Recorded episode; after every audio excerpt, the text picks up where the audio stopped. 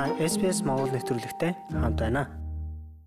За сайн мэцхан сонсогчдраад ирээд удаагүй байгаа шинэхэн монголчуудад зориулж бид нар шин цувралыг эхлүүлж байгаа. Энэ цувралаараа бид нар Австралид суурьшихад хэрэгтэй бүх мэдээллийг хуваалцах хичээх болно. Ингээд анхны дугаартаа бид нар Мельбурн хотоос Намунзул анх хоёр нарыг ураад байгаа юм байна. Манай Намунзул Австралид ирээд 7 жил амьдарсан харин анх хоёр ирээд ердөө 2 сар гаруй хүн болж байгаа.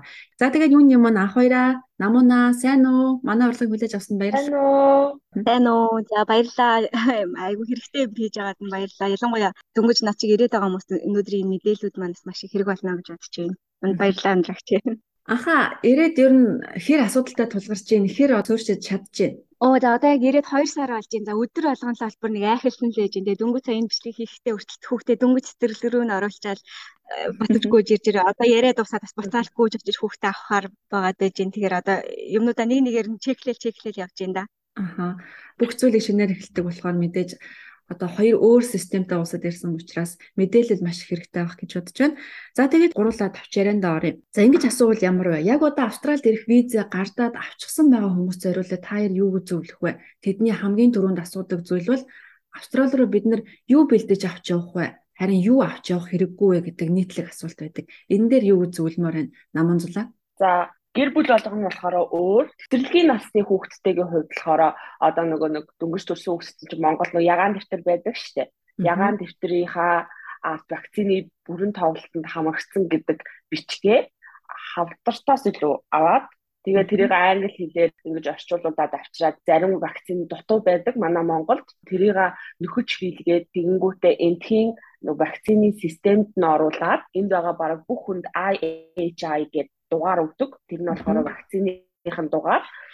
Вакцинжуулалтын системийн дугаар. А тэнгуү тэр дугаараа ингээд нөгөө сургууль цэцэрлэг ер нь Австралид байх хугацаанд вакцины талаар нэгсэн бүх мэдээлэл дээр оруулж өгдөг учраас тэр бол хамгийн түрүүнд хүүхдүүдэд болон өөрсдөө бас авах хэрэгтэй зүйл. За хоёрын хувьд одоо дөнгөж ирсэн хүний хувьд чиний авчирсан зүйлүүдээс хамгийн хэрэгтэй нь юу байв? Юуг авчрах хэрэггүй юм байна гэж эргэж байгаа хүмүүс зөвлөмөр байна. Тийм ерөөдөө бас нөгөө нэг олон мэдээлэл өгж байгаа суугаад жишээлбэл танаас угаач айгүйх мэдээлэл авсан байсан учраас авчирсан юмнууд мал хэрэг болж байгаа. Төрөний хэлсэн яг тэр халдвартын бичгийг авалгүйгээр шууд ягаан дэвтрээ аваад ирсэн байсан. Тэрэн дээр шууд халдварт англиар гаргаад өгдөг болсон юм байлээ. Тэгэхээр хэрвээ эргэж байгаа хүмүүс байвал шууд очиод аваарай гэж хэлмээр байна. Манай хүүхэд 3 настай байсан. Тэгээд энд вакциныхын зөрүү нь 3 вакцин хийх хэрэгтэйсэн. Тэрийн шууд нэг дор хийчихдээ юм байлээ. Тэрэнд нас жоохон шок гэсэн. Гэх мэтчлийн зүйлүүд дээр бол байгаа. За тэгээд миний болоход асуудал байсан. Тий, одоо болохоор зэрэг миний хувьд ингээд юу буруу ботсон байгаад юун дээр ингээд илүү одоо асуудалтай тулгарсан талаас нь ярил гэж бодож байна л да. Хүүхдийн цэцэрлэг гэдэг чинь бидний шууд нөгөө нэг санхүүтэй холбогдоод ирж байгаа байхгүй тий. Хүүхдийн цэцэрлэгээс шалтгаалаад ажил хийж чадах уугүй юу гэдэг нь одоо тодорхойлогдоод ирнэ гэдэг дээр би ерөөсөө тооцоолог байсан л да.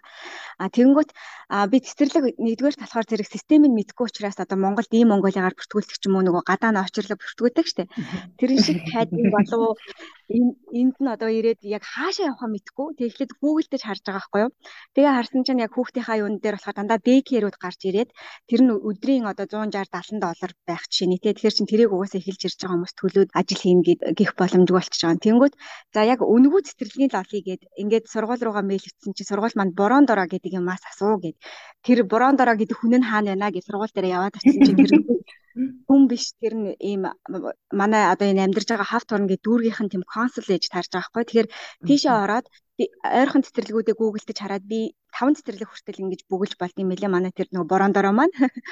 Тэнгүүт энэ энэ дараалалаар энэ тавд ормоор байна гэдгийг хүсэлтэд илгэнгүүт ингээд хамгийн ихнийхээс нь хоосон одоо сул оронтой байна гэдгээс шалгаад над руу мэдээлэлээ илгээх замаар ингээд манай хүүхд жишээлбэл 3 настай гэхэд 15 цаг цэцэрлэгт явах хэрэгтэй болж байгаа хгүй. Тэгэхээр би бодсон нь болохоор хүүхдээ цэцэрлэгт Монголд өгдөг шиг өглөө 8 цагт очиод орой 9-д олоод аваад энэ хоорондоо хичээлээ амжуулаад цагийн ажил амжуулаад ингээд бас гэрийнхаа санхуд нэмэр болно гэж бодсон байхгүй. Тэгэхээр Монголд магадгүй тэгж бодсон бол тэгж тийх үнэхээр хэцүү юм байна гэдгийг хэлмээр байна л та. Тэгэхээр манай хүүхдийн цэцэрлэг жишээлбэл яаж хуваарлсан байна гэхээр нэгт 3 дахад 12:30-аас 3 цаг буюу 2 цаг 30 минут харж өгдөг. Тэгээд одоо би энэ яриг дуусаад буцаад очиж хүүхдээ авах цаг болчих нь гэсэн үг шүү дээ. Тэгэхээр тавцад болохоор зэрэг 9-өөс 3 цаг гэдэг чинь бас л айгүй хоёрын хооронд цаг болчихж байгаа байхгүй тий. Тэгэхээр яг бага насны хүүхэдтэй байгаа ээж аавуудын хувьд бол яг тэр тал дээр санхүүгээ бодоод иймэрхүү асуудалтай тулгарх нь байна гэдгээ бодож ирэх нь бас айгүй том төлөвлөх зүйлсийн нэг байжээ гэдгийг бол одоо яг анзаараад мэдрээд ээж энэ да.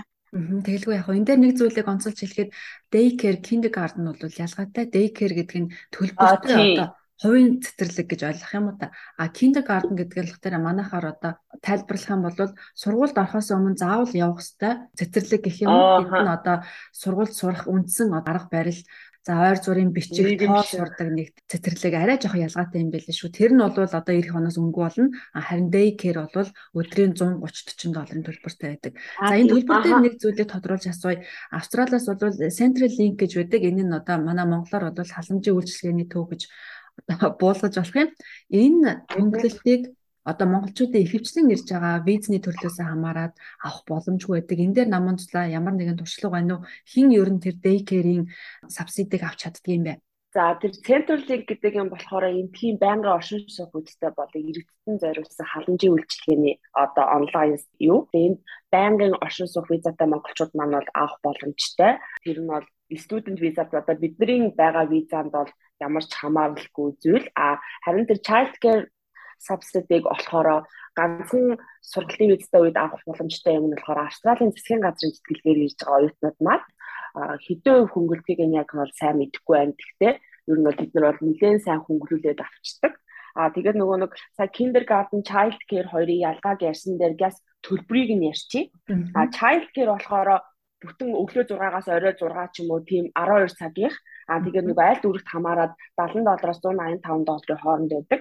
А family daycare бүр гэрээ гэртээ болохоор нөгөө daycare үйлчилгээ авдаг бас зарим газар байдаг. Тэр нь болохоор цагийн 6-аас 17 доллар. А тэгээд мэдээж зарим хүмүүс боломжтой байх юм бол бас гэртээ нөгөө нэг найнтай болъё гэж боддог баг. Тэр нь болохоор бас хүнийхээ туршлагаас хамаарат 15-аас 35 доллар цагийн Аа тэгээд Australian pairs гэж байдаг. Тэг чи амьдраа тань туслана гэдэг үг л ганцхан найны биш одоо house work бүх юмыг чи хийж өгнө гэсэн үг. Аа гэхдээ энийг болохоор зөвхөн одоо байнга оршин суух визтэй хүмүүс л авах боломжтой гэж би ойлгосон. Гэхдээ тэр бол тэр хүнийх чинь цалин 7 хоногоос 170-аас 250 долларын хооронд байдаг юм билээ. За маш их баярлалаа. Энэ дээр нэг буруу ойлгосон зүйлтэй эдгэл хэлчихв. Аа тэгэлгүй. Нэг одоо энэ яг child care-ийн төлбөртийг нь ойлгоцсон. Тэнгүүт монголчуудаас асуугууд өнгөө цэцэрлэг гэж байд юм аа нэг өдөр ч юм уу хоёр өдөр хараад өгд юм аа гэж саяны ярьсныг маань яриад байгаа байхгүй. Тэнгүүт би өнгөө цэцэрлэг гэж 100% өнгөөгээ бодчихж байгаа байхгүй тий.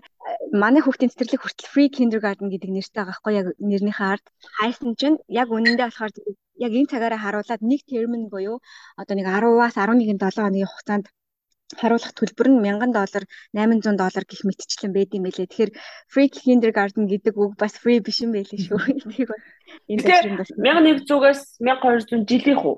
Үгүй тэрмээр байгаа байхгүй юу? Сая kindergarten нөгөө коронагийн үед үнгүү болсон байхгүй юу? Тэгэнгүүтээ одоо нөгөө нэг корона дуусаад локдаун дуусаад бүх юм ингээ эдийн засаг сэргээд ингээ ирэнгүү чи эдгээр нөгөө нэг үнгүү байсан юм уу да буцаагаад авахын тулд жоохон үн бол одоо Австралид амьдрах зардал бол нэлээд нэмэгдэж байгаа. Манай охин ч одоо 7 таг 3 жилийн өмнө манай охин 3 4 дэх настай хүүхдийн цэцэрлэгт явхад нэг терм нь 450 доллараар явдаг байсан юм. Одоо тэнгууд энэ жил терм нь 1100 гэхээр бараг 2 нуг болсон байгаа байхгүй юу? Тийм байна тийм. Ер нь бол үнгүй юм гэж байхгүй шүү Австралид. Короныг үед бүгдээрээ яриагаа сургуулийн насны хүүхдтэй ирж байгаа бол яах вэ гэдэг дээр намуунагийн туршлагыг хуваалцъя. За би болохоор манай хүүхдлээ Австралид 2 настайд ирсэн. Ингэж ингэж ингэж явж байгаад шууд сургуульд орсаа. Гэхдээ нэрэн тойрныхоо найз нөхдийн хүүхдүүдийн туршлагаас харахад дөнгүүдийг нь болохоор яг англи хэлээр хөгүүлээд ингэж авчирсан. А тэрнээс яг нөгөө нэг багшийн тэмдэглэл ч юм уу те тиймэрхүү юмнуудыг нь бол орчуулга хийлгээгүйгээд а тэгээд дээрэс нь яг энд ирэх гэж байгаа мэд аль хэзээний мэдж байгаа хүүхдүүдээ бол манай найз нар нэг нэг хоёр жил Монгол англи хэлний сургалт мургалтын суулгаад тэгээд нөгөөд нарай дүртэй болоод ихэнхдээ шууд ирээд сургуультаа орчдөг. А зарим тохиолдолд болохоор шууд авчирсан хүүхдүүдийг болохоор энд төвшингээс нь хамаарат сургууль нь болохоор англи хэлний сургалтын төв зааж өгд юм билээ. Тэр газарт нь очихоор яг сургуультай адилхан үйл цагийн хуваар бүх юм нь яг адилхан. А тэнгүүтээ төлбөр нь ч бараг адилхан.